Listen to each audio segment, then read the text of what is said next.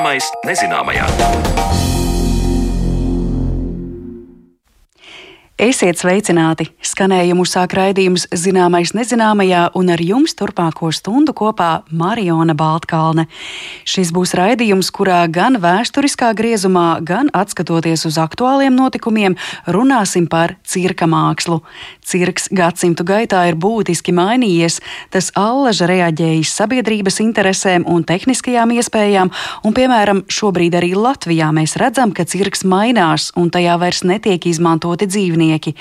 Par to, kā cirks sācies un attīstījies, plašāk runāsim raidījuma otrajā daļā. Bet sāksim ar atskatu uz slavenā Kanādas saules cirka vizīti Rīgā.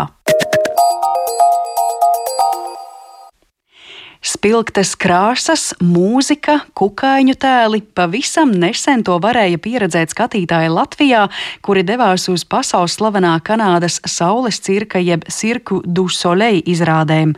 Tā bija cirka atgriešanās Latvijā un šoreiz ar jaunu iestudējumu OVO. Vārds OVO tulkojumā no portugāļu valodas nozīmē ola, un portugāļu valoda ir dzimtā šova veidotājai no Brazīlijas. Ola ir arī viena no kukaiņu attīstības stadijām. Tad nu izrāde iesākas ar milzīgu olu uz skatuves, bet izrādes laikā uz skatuves parādās arī mazākas olas un tiek risinātas kukaiņu savstarpējās attiecības. Arī zināmais nezināmajā bija iespēja ielūkoties cirka aizskatuvē, satikt tā veidotājus un pārliecināties, cik šis viss ir milzīgs kopdarbs. Cauri cirka mājvietai arēnā Rīga mūs veda komunikācijas vadītāja, publiciste Dženija Maleta, kura ierakstā turpmākajās minūtēs iepazīstina ar cirka pirmsākumiem un sadzīvi nemitīgi apceļojot dažādas vietas. So, Cirque du Soleil, we're a company that started in Canada about 39 years ago.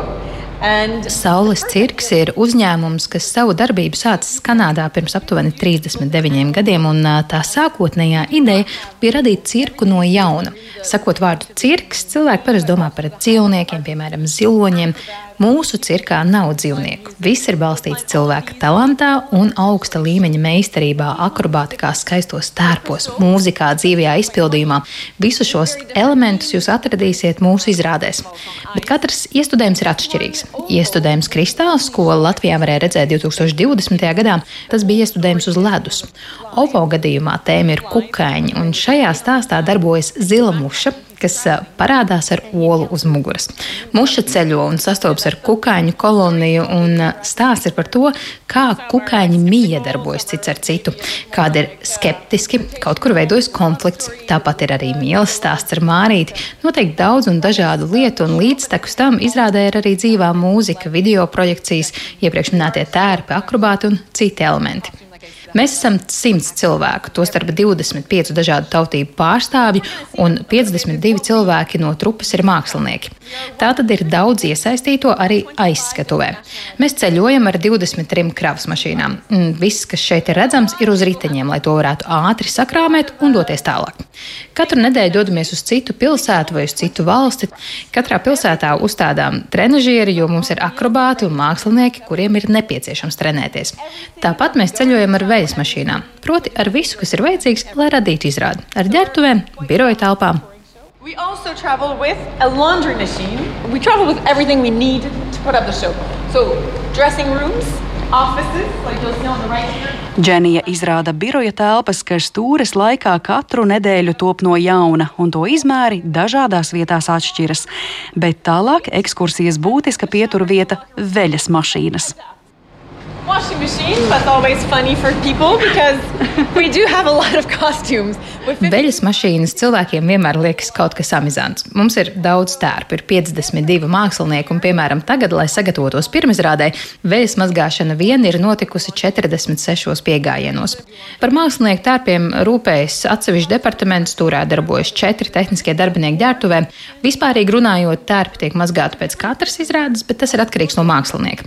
Dažreiz kāds saka, nē, es varu ar šo pašu tērpu piedalīties vēl kādā izrādē. Mm, dažreiz kāds tērpu vēlas nomainīt izrādes pusceļā. Tas ir atkarīgs no tā, kā mākslinieks strādā, cik daudz viņš svīst. Saules cirka tērpus rada cirka tērpu mākslinieks, un tērpi tiek veidoti Monreālā, Kanādā, Saules cirka galvenajā mītnē. Mums ir viens no lielākajiem šāda veida tērpu krājumiem pasaulē. principā mēs veidojam tērpus katram individuālam māksliniekam. Arī tad, ja izrādē piedalās divi circeņi, kā tēli, nebūs divu vienādu tērpu, jo tas veidots konkrēta ķermeņa izmēram un formai. Mēs veidojam visu, sākot no galvas sagām līdz tērpiem un apaviem. We do everything from headpiece, costume, and shoes. This one is our Voyager Dženija demonstrē jau pieminētā izrādes galvenā varoņa zilās mušas apavus, kas izrādās ir lielākie apavi, kas izmantoti saules cirka izrādēs. Viņa arī norāda, ka visi apavi izveidoti speciāli iestudējumam OVO, un ir arī dažādu tipu apavi. Piemēram, circeņiem, kuri iestudējumā darbojas kā akrobāti un tramplīnlēcēji, ir nepieciešami specifiski īpaši viņiem pielāgoti apavi, tāpēc apavu ārējā daļa izveidota izveidota tā, lai tā saplūstu ar tērpu, bet apavu iekšpusē iestrādāta ērta vieta pēdai. Katram māksliniekam ir gan izrādes laikā izmantojamie apavi, gan rezerves pāris, ja izrādes laikā atgadītos kāda ķībele. Būtisku nozīmi kukaiņa tēlam piešķir arī grims. Dženija izrāda plauktus ar grimam nepieciešamajiem materiāliem. Piemēram, mārītes, zirnekļa un skudras grims ir visai atšķirīgs, bet galvenā iezīme visos gadījumos ir spilgtas krāsas. Protams, tas ir profesionāls grims, lai tas noturētos ilgi. Um, speaking, cream, well, Tiek uzklāta krēma kārta, kas ir kā mitrinoša bāze. Tālāk nāk pūdera kārta, un tad vēl viena pūdera kārta, lai grims turētos arī tad, ja mākslinieki svīst, un arī tad, ja viņiem vienā dienā ir divas līdz trīs izrādes. Grimu uzklāšana prasa no pusstundas līdz stundai un 15 minūtēm, tā kā visai daudz laika. Ekskursijas laikā satiekam par apaviem un galvas dekorācijām atbildīgos cilvēkus. Protams, gan tērpi un apavi, gan dekorācijas var būt jāuzlabo izrāžu laikā. Un tāpat kā apavu gadījumā, tērpiem ir vairāki eksemplāri. Bet tālāk, virzoties garām skaļi rūcošām veļas mašīnām, nonākam tuvāk zonai, kur mākslinieki iesildās un sagatavojas izrādēm.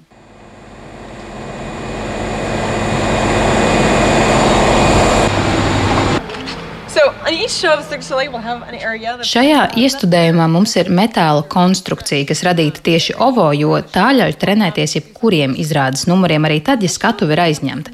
Viss, kas notiek uz skatuves, tiek ierakstīts video.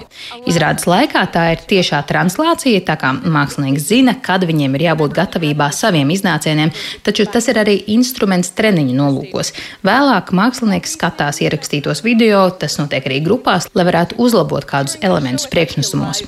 But it's also a training tool. So afterwards, they'll go and they'll look at what's been recorded and they will watch it. Sometimes they have group sessions with video to improve transitions. To... Kad Dženijai tiek jautāts, kā cirka trupai pievienojas jauni mākslinieki, viņa norāda, ka cirkam ir laba reputācija un par to ir liela interese.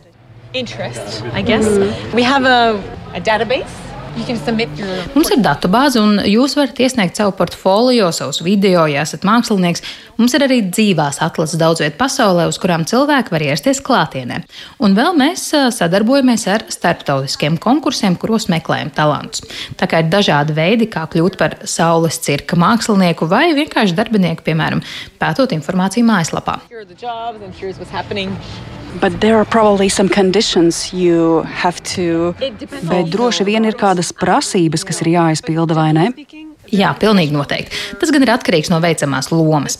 Vispārīgi runājot, ir profesionāli kādām disciplīnām, bet mēs arī meklējam cilvēkus, kuriem ir skatuves izjūta, kuri var veidot choreogrāfiju, kurus var trenēt un kuri var pielāgoties. Piemēram, šajā iestudējumā mums ir divi olimpieši, kuri ir piedalījušies vingrošanas sacensībās. Šeit viņi veic gaisa akrobātiku, kas ir kaut kas līdzīgs agrāk darītajam un tomēr kaut kas atšķirīgs. Viņiem jāapgūst jaunas disciplīnas, balsoties prasmēs, kas viņiem jau ir.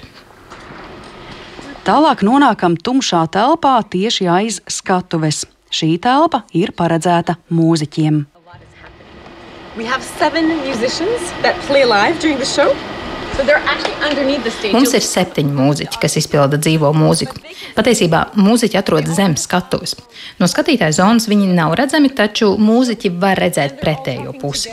Viņiem ir pieejams arī video ekrāns, tā kā viņi var vērot, kas notiek izrādē, un mūziķu grupas vadītāji arī sazinās ar māksliniekiem ar iekšējās sistēmas starpniecību un dod ziņu: 3, 4, aiziet! Skatu arī ir uz riteņiem, kas eh, mums palīdz visu iekārtot. Bet uh, tagad iesim un paskatīsimies kādu mēģinājumu. Un kamēr vērojam mākslinieka treniņu uz skatuves trenera uzraudzībā, Dženijai vēl jautāju, vai saules cirkā notiek paauģu maiņa, kad mākslinieki kļūst par treneriem.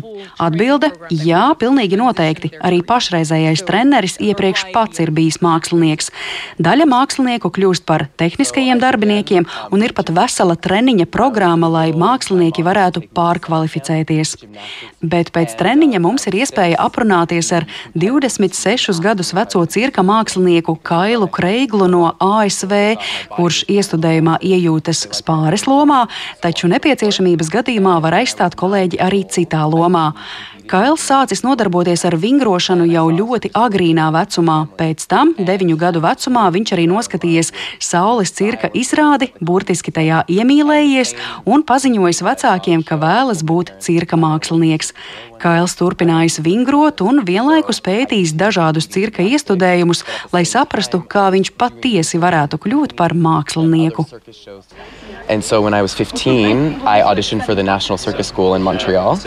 And uh, I studied there for five years. And in 2016, I got offered a contract to come on this tour with Cirque du Soleil. Kad man bija 15 gadu, piedalījos Nacionālajā atlasē cirka skolā Monreālā. Es tiku uzņemts, mācījos tur piecus gadus, un 2016. gadā man tika piedāvāts līgums no Saules cirka, lai pievienotos tūrei.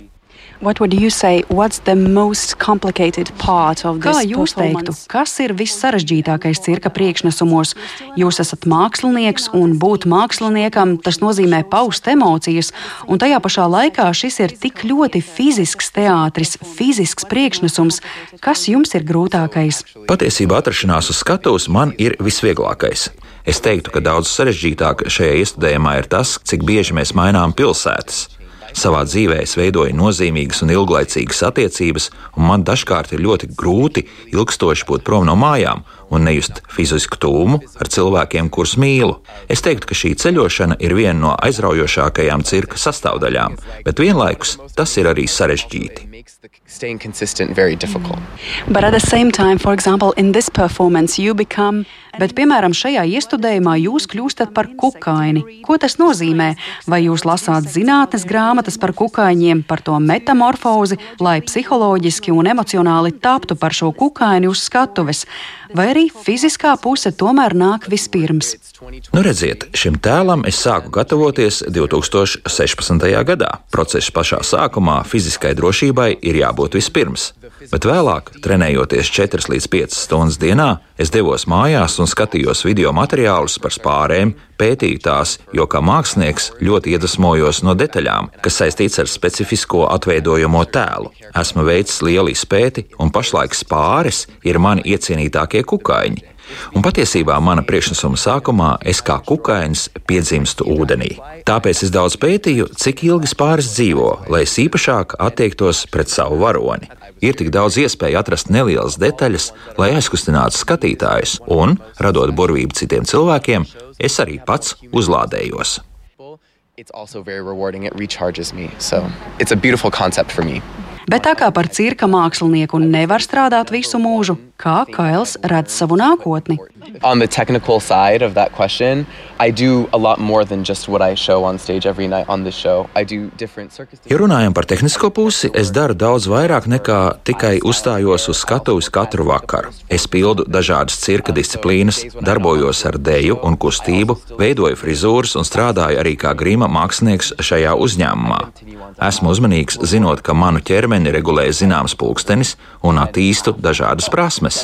Tas man ļaus arī nākotnē veidot karjeru, neliekot burtiski salocīties uz pusēm desmit reizes nedēļā. Bet tajā pašā laikā pamata ir ielikt arī šādam darbam, un kad es ienāku šajā ēkā, es koncentrējos uz to, ka vēlos padarīt šo mirkli skaistu. Tāpēc, lai gan esmu jauns pieaugušais un nodrošinos, lai man būtu nākotne pēc šī iestudējuma, es arī atceros būt šeit un tagad, pašreizējā brīdī. Manuprāt, tas ir tikpat svarīgi, kā plānot nākotni. Starp citu, kā ir ar traumām? Vai jums daudz tādas nācies gūt? Es neteiktu, ka daudz. Drošība un veselība šeit patiešām ir ļoti liela prioritāte. Veidojot iestudējumu, ja mēs nejūtamies simtprocentīgi droši un saredzam, ka kaut kas mūsu ilgtermiņā varētu ietekmēt, tad ļoti vienkārši mēs no iestudējuma lieko varam izņemt ārā un atstāt nepieciešamo. Ja pavisam godīgi, mums tiešām nav problēma ar lielām traumām. Jūs varat nepareizi slīdēt pa virvi un nedaudz apdedzināt ādu, vai arī es varu satvert kaut ko nepareizi, un tad man dažas dienas sāpēs pirksts. Parasti ievainojumi mums neliek izstāties no iesudējumiem. Tiesa vairums no mums ir piedzīvojuši vismaz kādu brīdi, kad izrādes nācies izlaist. Tas ir tad, kad ļoti smagi trenējamies cirka skolā. Taču tad, kad tu tiec līdz augstākajam līmenim, kā saules cirks, tu jau labi esi iepazinis savu ķermeni, un tas ļauj izvairīties no traumām. Pēc izrādēm Rīgā saules cirka mākslinieki atpūtīsies, bet tikai uz neilgu brīdi, lai pēc tam dotos tūrē pa Spānijas pilsētām un tad jau uz citām vietām Eiropā. Saglabājot vēsturiskas tradīcijas kā ceļojošais cirks un vienlaikus nemitīgi attīstoties, saules cirks turpinās sakausēt mākslu, zinātni, tehnoloģijas un daudzus citus komponentus, lai skatītāju priekšā atkal un atkal uzburtu brīnumu.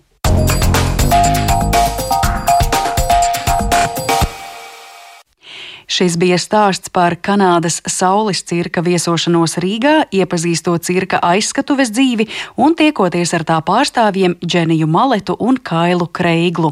Bet raidījuma turpinājumā jau pēc mirkļa cirka mākslas vēsturi un attīstību atklāsim krietni plašāk.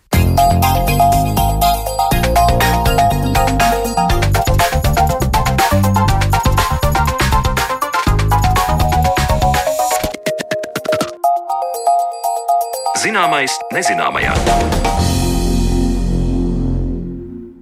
Mākslinieku izpildīta gaisa akrobātika, kas skatītājiem liek aizturēt elpu un satraukties, vai priekšnesums tūlīt nepārsniegs kādu bīstamības robežu. Lieli un mazi, piemīlīgi un bīstami dzīvnieki cirka arēnā, klauni ar sarkaniem deguniem un burvju triki, cilvēki ar funkcionāliem traucējumiem priekšnesumos kā izklaides elements apmeklētājiem.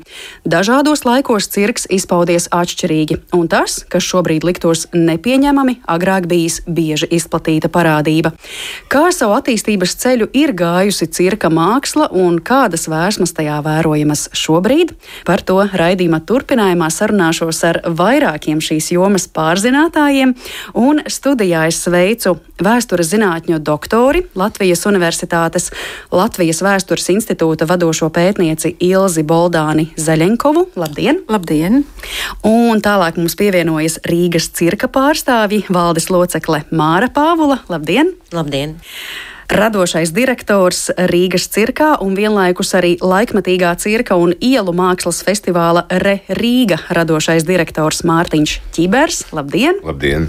Un attālināti mums ir pievienojusies Rīgas cirka vēstures pētniece un arhivāre Elvīra Avota. Labdien! Labdien! Un tā kā mēs visi esam šeit tādā draudzīgā kompānijā, tad esam vienojušies, ka sarunas laikā cits citu varam brīvi uzrunāt tu formā, un pie tā tad arī paliekam. Un es gribētu sākt uh, ar cirka mākslas uh, vēsturi, ko varbūt definēt ir grūti, kur tās robežas sākas, jo, piemēram, ja mēs runātu par teātra mākslu, mums būtu jāatgriežas laikā vēl pirms mūsu ēras - senā Grieķija, senā Roma. Kā ir ar cirka mākslu? Vai mēs vispār varam tā konkrētāk iezīmēt uh, cirka izveidošanās sākumu? Kur tas bija, kāds tas bija? Nu, ir dažādi veidi, kā skatīties uz to cirka vēsturi. Ļoti izplatīts pieņēmums ir uzskatīt, ka cirks ir radies 1770. 70. gads Lielbritānijā, jo tad bija Filips Estlīs, kurš pats bijis kavalieris, viņam bija jāšanas skola. Un viņš tajā laikā ļoti populārās šīs izrādes, kurās notika akrobātika uz zirgiem, viņš viņas papildināja ar akrobātiem un citiem māksliniekiem, un viņš pirmo reizi viņu izrādīja apaļā arēnā. Bet uh, tas ir viens veids, kā uz to skatīties, jo viņš jau patiesībā neradīja apzināti kaut kādu cirka izrādi. Viņš vienkārši konkurēja ar citām līdzīgām izrādēm savā laikā, kas ir zirgu izrādes. Bet, ja mēs skatāmies mazliet plašāk, tad uh, šīs disciplīnas, ko mēs redzam cirkā, nāk jau tieši tā ne tikai gadsimtiem, bet gadu tūkstošiem pirms mūsu ēras. Un mēs redzam, gan šajā pašā senajā Romā bija, piemēram, virves staigātāji, gan ir Ēģipte ar žonglēšanu, ir Ķīnā šī akrobātikas tradīcija. Viņām ir bijušas dažādas lomas, tā ir bijusi gan izklaidēšanas loma, gan tie ir bijuši dažādi rituāli, bet šīs disciplīnas ir atsevišķi eksistējušas un bieži patiesībā tuvākā formā laikmetīgiem cirkam nekā šis te Filipa Eslija zirgu cirks, kā es to teiktu, ka tas ir tāds viens posms cirka vēsturē. Un tāpat arī, protams, vēl ir viduslaika, kad mums bija šīs ceļojošās trupas, kuras arī varēja būt ceļojoši zvēru dīdītāji vai ceļojoši akrobāti, kuri principā lielā mērā atspoguļo šo pašu dzīvesveidu, ko vēlāk tad uh, cirka mākslinieki, kad tam tika iedots vārds cirks, kas tad gan bija tikai pēc Filipa Estlī. Mm. Nu, vārds cirks ir arī no latīņu vārda cirkus, kas ir aplis, un arī tas aplis, kas pēc uh, to Rika Ešlī min kā pirmatnējo avotu, tāpēc, kad viņš ievies arī no tiem zirgiem, viņi izmantoja centribēdzes spēku. Ja? Kad uh, zirgs iet pa apli, tu vari tos trikus veidot, izmantojot šo centribēdzes spēku. Līdz ar to viņš radās šis brīnumainais skats, kad šie zirgu akrobāti varēja mainīt uh, dažādas formas uz zirga. Tas bija tas pamats tam cirkam un arī no, vārdam cirkus, ja, kad sāk parādīties. Māra, tu jau pieminēji kādu vēl būtisku cirka tendenci - ceļojošais cirks. Vēsturiski tas bieži ir darbojies kā ceļojošais cirks. Protams, tas nav arī pazudis mūsdienās. Un visticamāk, es pieļauju, tas tika darīts, lai cirks vienkārši sasniegtu plašāku skatītāju pulku, lai iepazīstinātu no vienas teritorijas uz otru. Varbūt tam bija arī citi iemesli cirks, kad mēs runājam piemēram par tādiem pēdējiem gadsimtiem, tas ir bijis privāts bizness. Mēs runājam par cirka mākslu kā tādu mākslu, un subsidētu mākslu un eksperimentālu mākslu. Pēdējos 30 gadus pirms tam cirks bija bizness, tas bija biznesa modelis, un šī ceļošana tieši no tā arī izriet, lai sasniegtu pēc iespējas vairāk skatītājus. Piemēram, tas pats Estlīs, viņam bija vairāki cirki. Piemēram, Londonā un Parīzē viņš varēja atļauties šo statisko cirku, kur viņš izrāda šīs izrādes.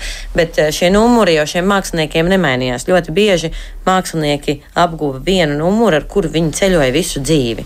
Tas nozīmē, ka viņi vienā un tajā pašā pilsētā pārāk ilgi nevar uzturēties, jo neviens to pašu nenāks skatīties. Un šīs ēkas, visur, kur viņas ir tikušas būvētas, viņas lielākoties būvē cirka vadītājs. Cirka vadītājs ir tas, kuram ir zirgi, jo viņiem ir vajadzīgi staļļi, kur šos zirgus turēt tad, kad viņi neceļo. Un tad, kad viņi ceļo, tad viņi var izīrēt šo cirku citai ceļojošai trupai, kam atkal vajadzēs, kur turēt zirgus. Nu, piemēram, Solomonskis, viņam bija gan Odesā, gan Maskavā, gan Rīgā, gan Berlīnē cirki, un tas nodrošināja principā, ka viņš varēja veikt šo tūri, un viņam bija šie pieturas punkti, kuros viņš varēja apstāties, un pārējā laikā viņš vienkārši izdomāja citiem cirkiem šīs te telpas. Tā kā bez šīm ēkām ceļojošiem cirkiem būtu vēl grūtāk. Un tās cirks kā ēka nav pretstats ceļojošam cirkam, bet tieši otrādi tā ir daļa no šo ceļojošo cirku infrastruktūras. Un, ja mēs domājam par mūsdienām, tad mūsdienās patiesībā cirki ir vēl ceļojošāki nekā jebkad, jo šie mākslinieki nedodas tūrēs mēnešiem, varbūt viņi vienkārši atlido un aizlido, bet viņi visu laiku ir ceļā. Un, nu, principā, laikmatīgā cirkā nav īsti tādu cirku, kas ilgstoši spēlē spēlētu izrādes vienā pilsētā katru vakaru. Mm. Elvīra? Jā. Es gribēju pieminēt mazliet, ko es iedomājos, kas ir tāds interesants fenomens, kas neparādās, tā, kad nu, parasti ir kaut kāda saruna par cirku, ir tas padomju lielais sojuzgos cirku mehānisms, kurš apvienoja visus cirkus un kaut kādā veidā institucionalizēja tos. Tā pašā laikā saglabājot šo ceļojošo ideju, kad mākslinieki visu laiku ceļoja pa visiem šiem cirkiem Un uh, lasot mākslinieku atmiņas par uh, dažādiem laikiem, tomēr, ja cirks bija teltī, tad mākslinieks nebija tik vērtīgs, ja viņš uzstājās tikai telšu cirkos. Ja viņš tika šajā stacionārajā ēkā, piemēram, Rīgā, tas bija ļoti uzskatāms starpkara periodā. Tas nozīmē, ka šis mākslinieks ir kaut kas īpašs. Tas bija tāds mērķis augstākais - uzstāties stacionārajā ēkā. Bet, Mārtiņa, atcaucoties uz to, ko minēja par šo pārvietošanos geogrāfisko, vai ir zināms, cik, teiksim, senatnē, nu tajā pašā 18. un 19. gadsimtā, ja, cik tālu tās robežas stiepās, cik tālu ar ziloņiem, ar lauvām, ar plēsīgiem dzīvniekiem var pārvietoties. Jo, piemēram, tagad, kad man bija iespēja tikties ar Kanādas saules cirka pārstāvjiem, kuri neizmanto dzīvniekus priekšnesumos.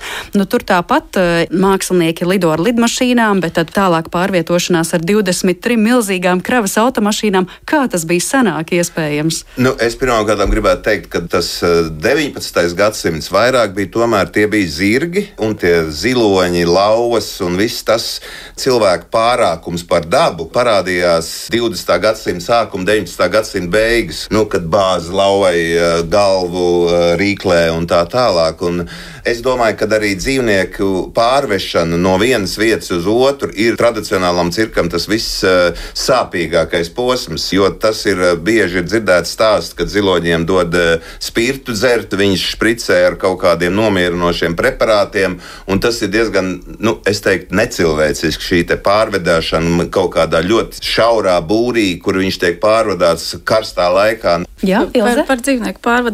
Tas gan nav cirka sakarā, bet ja mēs palasām Hagenbeka, kas ir etnogrāfiskās industrijas tēvs viņa atmiņas, viņš ir zaudārs pamatlicējs mūsdienu. Arī viņam bija tā ideja, ka viņš eksponē cilvēkus viņu etnogrāfisko un kultūrai un vidē raksturīgo objektu ieskāvumā. Un kolēģi vēsturnieki ir izveidojuši pat ceļu, kā šie cilvēki no Āfrikas, no Šrilankas, kā viņi tie ziloņi, kā viņi tiek pārvadāti. Un, un etnogrāfisko šovu kontekstā tur ir divas salas, tad Triesta dienvidos un Hamburga. Būtībā viņus pārvadāja ar kuģiem.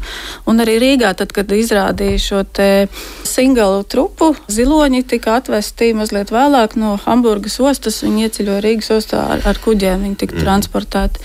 Tāpat arī neneti kopā ar ziemeļbriežiem tas arī viss notika tieši ar kuģu satiksmes palīdzību. Mm -hmm. Es vienkārši gribēju pieminēt, eh, mēs vienmēr runājam cirks, cirks, bet tās cirka tradīcijas dažādos reģionos ļoti, ļoti, ļoti atšķirās. Un tas, kā attīstījās cirks padomju laikā, padomju teritorijā, kur tika uzcelts ārkārtīgi liela daudzums ar jaunām ēkām, Rietumē Eiropā tajā laikā principā tradicionālās cirks aizgāja bojā, lielākā daļa ēku tika iznīcināta Otrajā pasaules karā, netika no jauna uzbūvētas.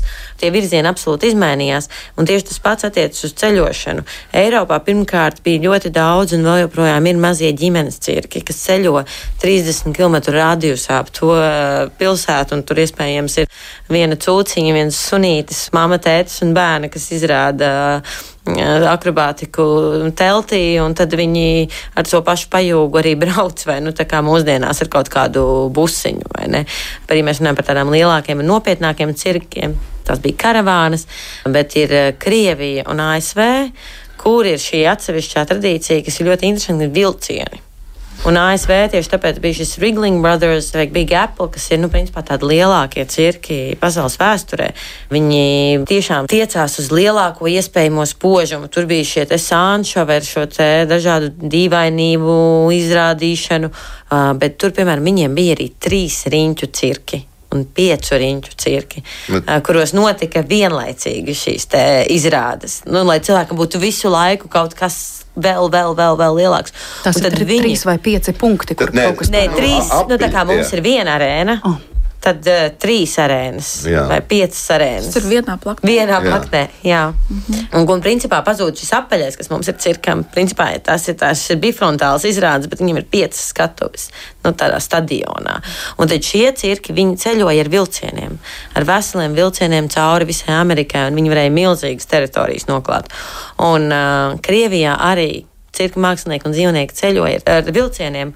Un man ir stāstīts, ka cirka mākslinieki cīnījās par to, lai cirka vagoni būtu prioritāri, lai dzīvniekiem nebūtu jāsalst jo viņi brauc šajos neapsildītajos vagonos, un reizēm jāstāv pāris dienas, kamēr tur sliedas samainās vai vēl kaut kas. Un tika panākts, ka šie dzīvnieku vagoni ir prioritāri, un tad, lai viņi var nu, braukt un negaidīt šīs dienas. Bet nu, Eiropā ir mazāk šīs valsts, tad tas nebija attālums. Mazāk, jā, mazāk šī attāluma. Tad ir cita šī uzbūve un tiešām daudz vairāk šie daudzie mazie cirki, kas darbojas lokāli. Tur arī jāsaka, droši vien, ka cirka tajās ģimenēs arī tās disciplīnas tika nodotas. Tur nebija kaut kādas skolas, bet nu, nodeva tēvs dēlam un tā tālāk paudžu paudzēs. Un, Tas ir arī atšķirība no tagadējās cirka izglītības, ka nav tas vairāk tās paudzes. Ir dažas paudzes, protams, bet tas nav princips vairāk. Tas ir tagad uh, iegūst augstāko izglītību cirka mākslā, skolās jau dažādās. Man Jā. patīk tas stāsts par to, ka tas teātris vienā brīdī kļuva ļoti gresirdīgs uz cirku. Vācijā tieši Jā. bija ļoti tāda tendence 20. gadsimta sākums, 19. gadsimta beigas. Cirks tiešām bija ārkārtīgi populārs visā Eiropā. Tā tiešām bija izklaide numur viens viens. Un uh, Vācijā, piemēram, Berlīnē bija seši cirki. Viņos bija 3 līdz 6 tūkstoši skatītāju vietas.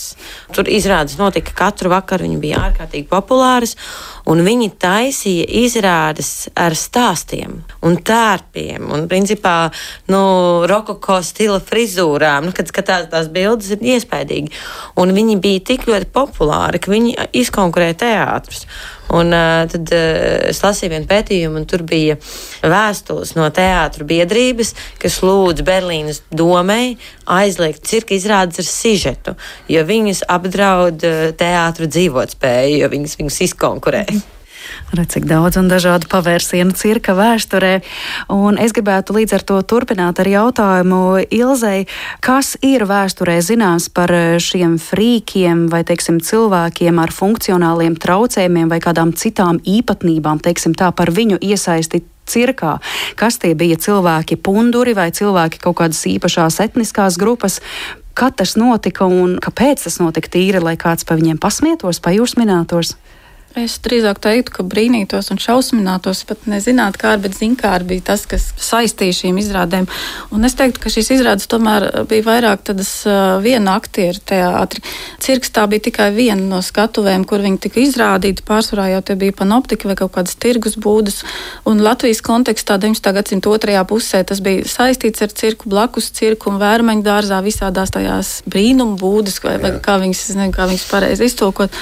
Un cirkus arēnā arī ir bijuši gan šie dažādām rasēm un kultūrām piederīgie cilvēki, tie samoa dejotājs vai arī beduīni, kas nu, tur arī tur droši vien tās sižetiskās izrādes.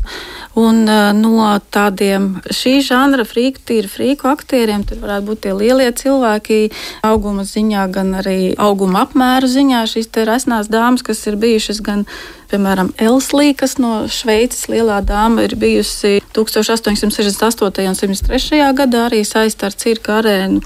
Un arī starpkara periodā tāpat ļoti daudz ir bijuši šie mazie cilvēki, Liliputa cirka, veselas trupas gan 1895. gads Lesko Libris, kas tika plaši reklamēta, un tad ir pēc tam starpkara periodā ir gan Krievu grupa Kaķa, nu tieši Liliputa trupas, gan Poļu Anita un visādas citādas Liliputa rēvijas. Tāpat tika eksponēti cilvēki bez locekļiem, vai arī cilvēki, kam ir tur trīs rokas, vai tam līdzīgi arī tas uh, Latvijas Rīgas cirka arēnā ir bijis, vai, piemēram, cilvēks ar dubultu kuņģi. To gan man ir grūti iztēloties, kā viņš, kā viņš tika eksponēts, vai sieviete radio uztvērējs. Vai... Jā, jā, vai ekstrasensi kaut jā, nu, tas, kas tur viss, jā, viss var iedzīt bailēs, visu klātesošu auditoriju. Man viens no interesantākajiem, ka kaut kādā brīdī tika izrādīts muskuļainas sievietes, kāda dīvainība. Arī, jā, jā, arī un šie cīkstoņi, kas arī lielie, un viņiem parasti tika minēts tā etniskā piedarība, rases piedarība, tas arī tā kā skatītāju pievilināšanā, jo tas bija tā kā aktuāli gan tur evolūcijas teorijas kontekstā, gan tam līdzīgi. Bet tad Ilze, savēl saliekot kopā to, ko jūs nu pat izstāstījāt, tad sanāk tā, ir šis cirka pirmsākums, viens no cirka pirmsākumiem, par ko Mārtiņš un Māra stāstīja ar šīm zirgu izjādēm, 18. gadsimts, un tad 19. mēs saprotam, ka ar to vēl nepietiek, mums vajag vēl kaut ko, lai cilvēkus ar vēl kaut ko uzjautrinātu un lai viņi varētu vēl vairāk šausmināties. Ja? Nu, es domāju, ka viņi pastāvēja paralēli. Es domāju, ka tur bija arī pirms, pirms jau tika rādīta kaut kāda, ka ir redzēts visādas grāmatas vai lasīts vai redzēts filmas, jā, jā, kur jau pats... tika vadāta kaut kādas vārdainas dāmas vai tas pats. Jā. Nu, Rīgā viņas arī ir bijušas, bet uh, Hulija Pastrana, kas ir populārākā, viņa ir bijusi mazajā ģildē izrādīta. Uh -huh. Un tad nākamā tā Eiropas pastrāna, kas skaitās tā jau tā, ir saistīta ar cirka vārdu, tā ka Latvijā arī viņas ir, ir bijušas.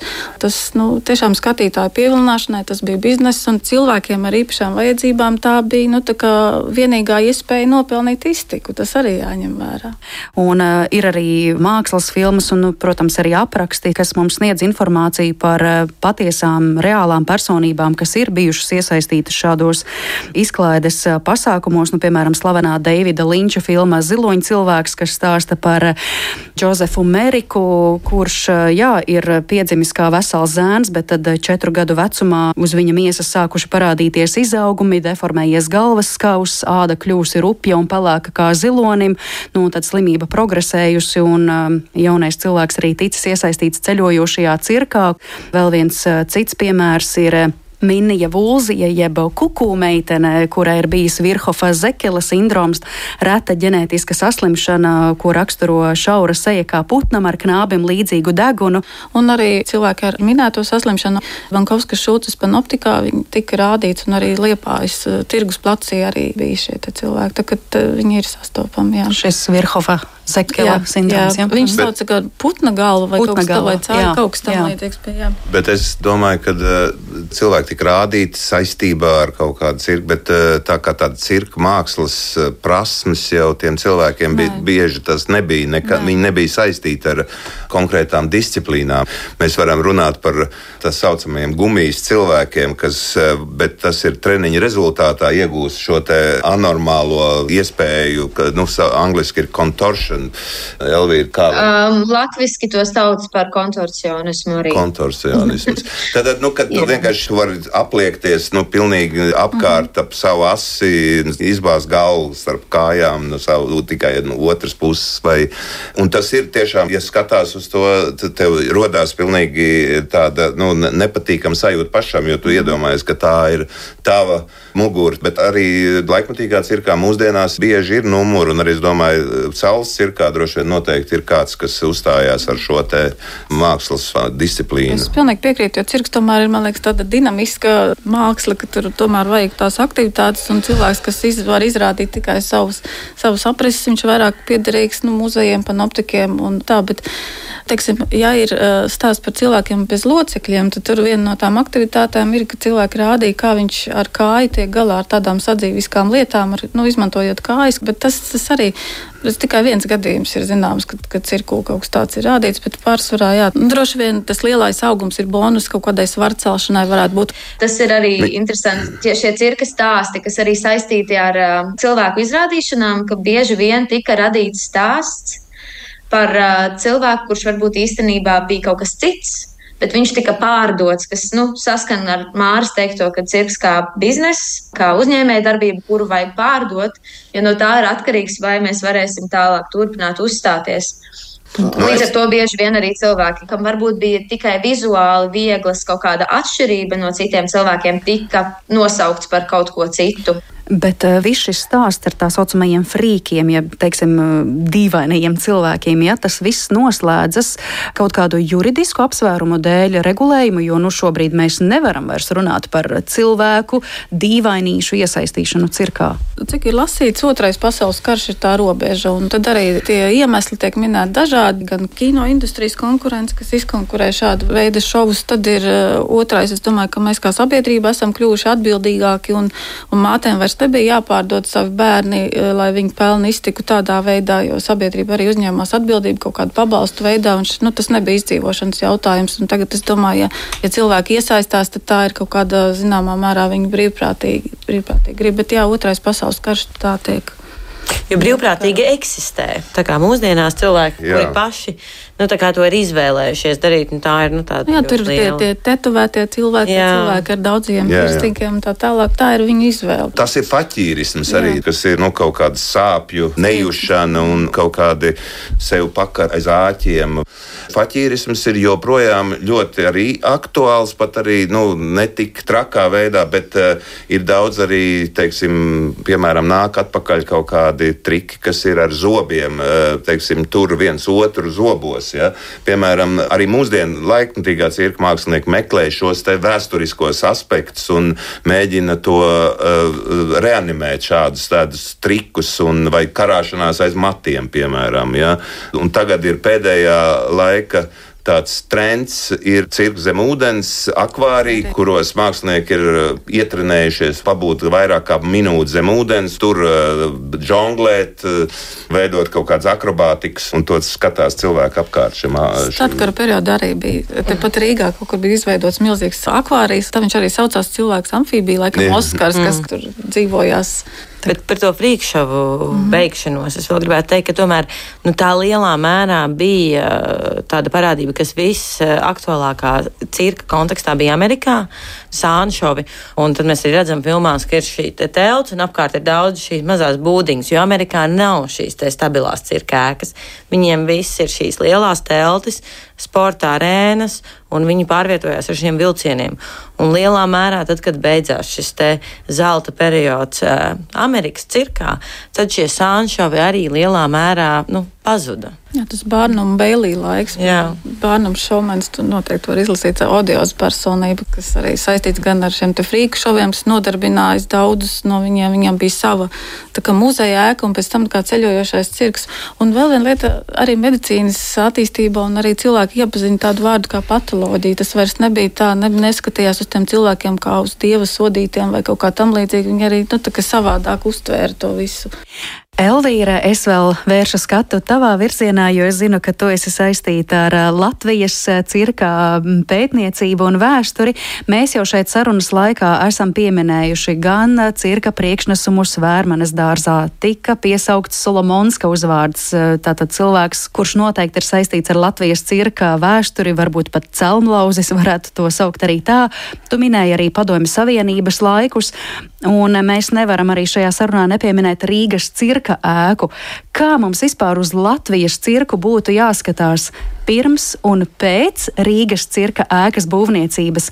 Mēs jau arī pirmīt runājām, ka ēka vienmēr gāja paralēli ceļojošiem cirkam, bet tomēr Latvijā cirka ēka ir kaut kas tik īpašs, vienīgā joprojām Baltijā.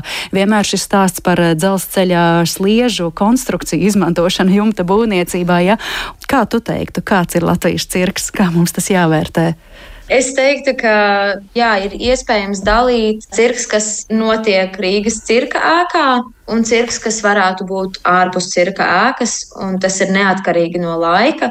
Jo arī šobrīd ir diezgan daudz, arī ceļojošie cirki brauc uz Rīgu regulāri. Viņi gan uzstājās teltīs dažādos rajonos, tā kā bišķiņā ārpus centra. Līdz ar to ikdienu pavadot centrā, mēs īsti nejūtam šo klātbūtni, bet, piemēram, pļāvniekos mešķiemā tas ir galvenā cirka tradīcija, kas eksistē šo cilvēku uztverē. Jā, protams, ir arī iespējams uh, skatīties uz šo kā nu, no šīs vēsturiskās uh, perspektīvas, ka ir uh, cirks, kas ir šajā mazajā, manuprāt, to sauc par mazo vērmeņu dārzu, kas atrodas šobrīd uh, Tiesu pils atrašanās vietā, kas ir arī interesanti, jo arī šīs ēkas autors ir uh, Jānis Baumans, kas ir autors Rīgas cirka ēkai, un arī šī ēka, kad uz to skatās no augšpuses, izskatās pēc apļa. Tur viņš ir pavadījis arī savas pēdējās dienas, līdz ar to tas arī ir tāds interesants aspekts. Bet tas bija laukums, kurā cirks uzstājās pirms tika uzbūvēta kāda konstrukcija. Tad uh, Salmonskis 1873. gadā guva atļauju uzbūvēt koka cirka ēku, un tad jau 1878. viņš iegādājās šo gabalu, kas ir uh, šī brīža mērķeļa ielā 4. Līdz ar to viņš diezgan daudz darīja vienlaicīgi, un tajā brīdī viņa aktuālā aktivitāte bija cirka būvniecība Maskavā, kas arī bija šis lielais cirks, kas arī mūsu uztverē, cirka ēka, ko mēs piedzīvojam, ir salīdzinoši ļoti, ļoti maziņa. Jo ēka, kas viņam bija Maskavā, nu, izskatās gleznās un zīmējumos, izskatās vairāk pēc operas, ne tik daudz pēc vieglās izklaides. Un arī Rīgas cirks sākotnēji ir bijis ar ložām un kograbumiem. Ne ļoti daudz, bet tomēr mazliet.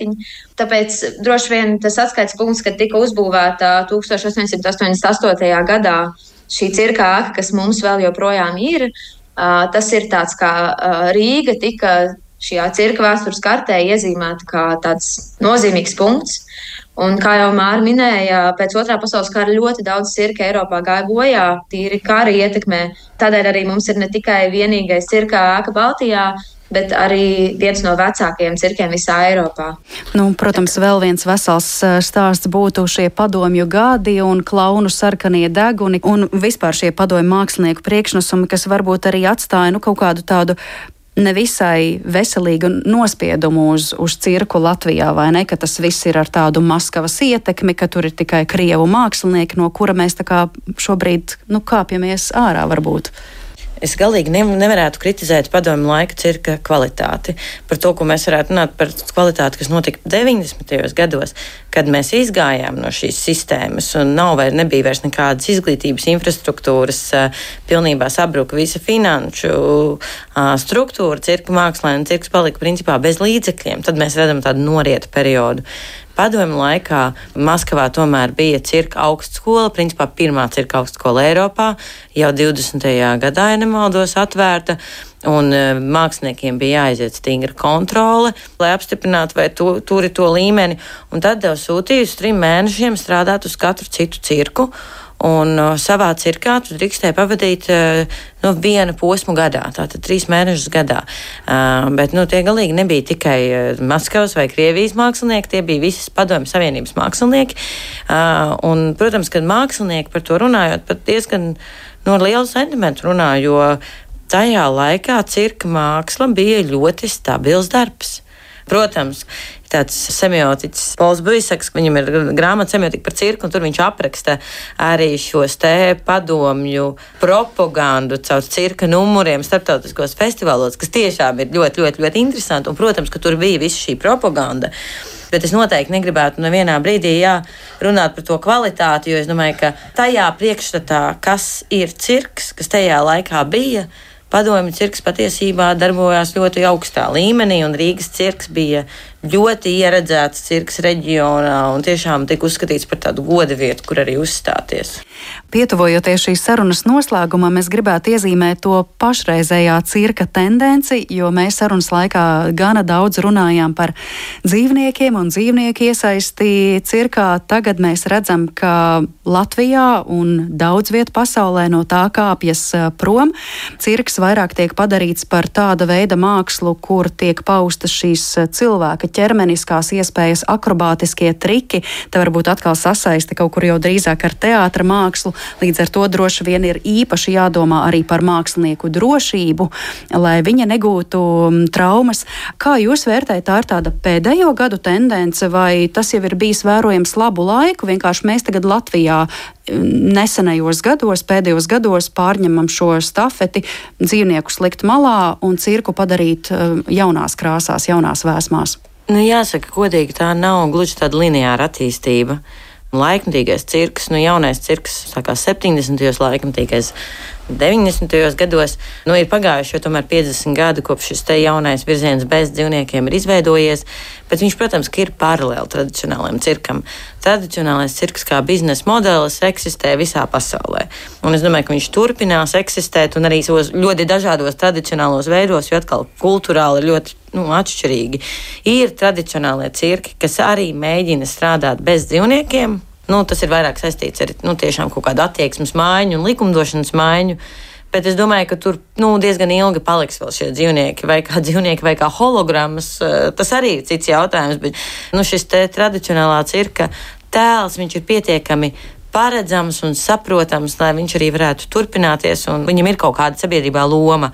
Mēs vienkārši nu, Latvijā esam izvēlējušies iet to mākslas ceļu, to laikmatīgā cirka ceļu, un kas ir principā nu, visā Eiropā tieši tā arī strādā šis modelis, ka cirks, nu, kas ir eksperimentālāka māksla, kas ir nu, laikmatīgā māksla, kur tiek radīts jauns saturs eh, ir šī subsidētā māksla, un paralēli tam dzīvo dažādas biznesa, izklaides eh, institūcijas un tradicionālie cirki ietilpst šajā kategorijā, un viņi turpina pastāvēt. Tas ir ļoti interesanti, vienmēr tas laikmatīgā cirka attīstības stāsts, tāpēc, ka principā Francijā cirkiem vienkārši ļoti gāja slikti 70. gados benzīna krīzes dēļ, jo nevarēja pārvietot dzīvniekus, tāpēc lieli cirki bankrotēja, viņi nespēja vairs uzturēt dzīvniekus, viņi nespēja šos dzīvniekus pārvietot, un tāpēc viņi tika, nu, tā kā cirks pārgāja kultūras ministrijas pāraudzībā, un tas nozīmē, ka visi cilvēki, kuri strādāja cirkā, tajā skaitā tehniskie darbinieki,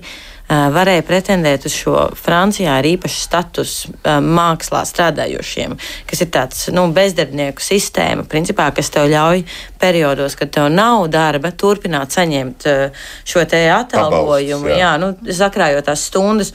Un tas nozīmē, ka tev kļūst daudz, daudz, daudz stabilāka šī, šī dzīve, jo tev nav visu laiku jāmeklē, kur uzstāties. Tu vari arī radīt jaunas izrādes, un tad viņi ar viņām uzstāties.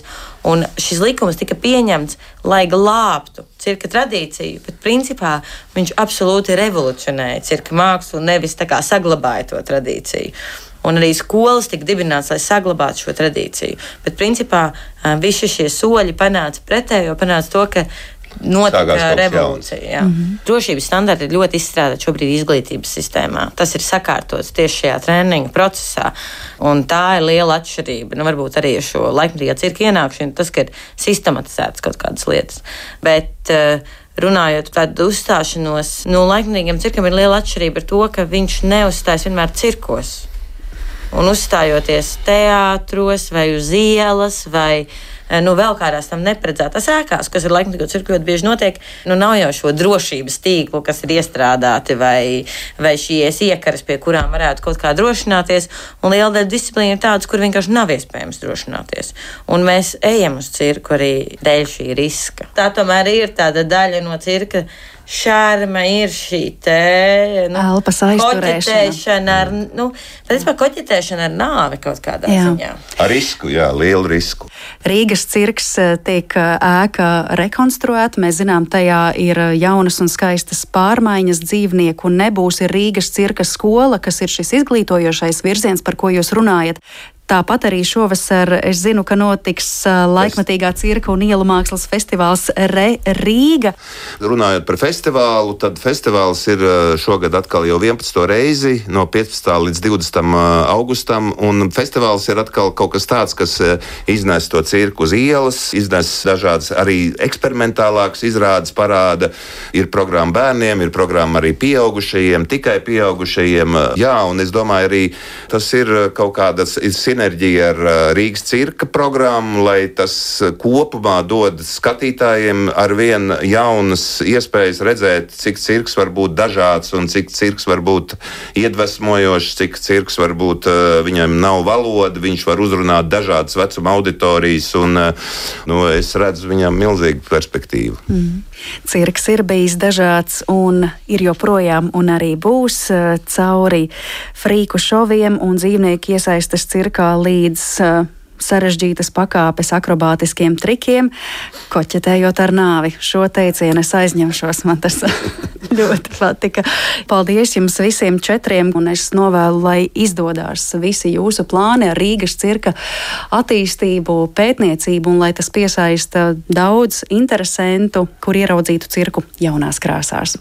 Es atgādināšu, ka zināmais nezināmajā studijā šodien viesojās vēstures zinātņu doktore Latvijas Universitātes Latvijas vēstures institūta vadošā pētniece Ilze Boldāne Zeļenkova, Rīgas cirka valdes locekle Māra Pāvula, radošais direktors un vienlaikus arī laikmatīgā cirka un ielu mākslas festivāla Re Rīga radošais direktors Mārtiņš Čibers un arī Rīgas cirka vēstures pētniece un arhivāre Elvīra Avota. Un paldies arī jums, klausītājiem! Klausītāji par pievienošanos un lai nākotnē daudz skaistu atklāsmju cirkā. Visu labu!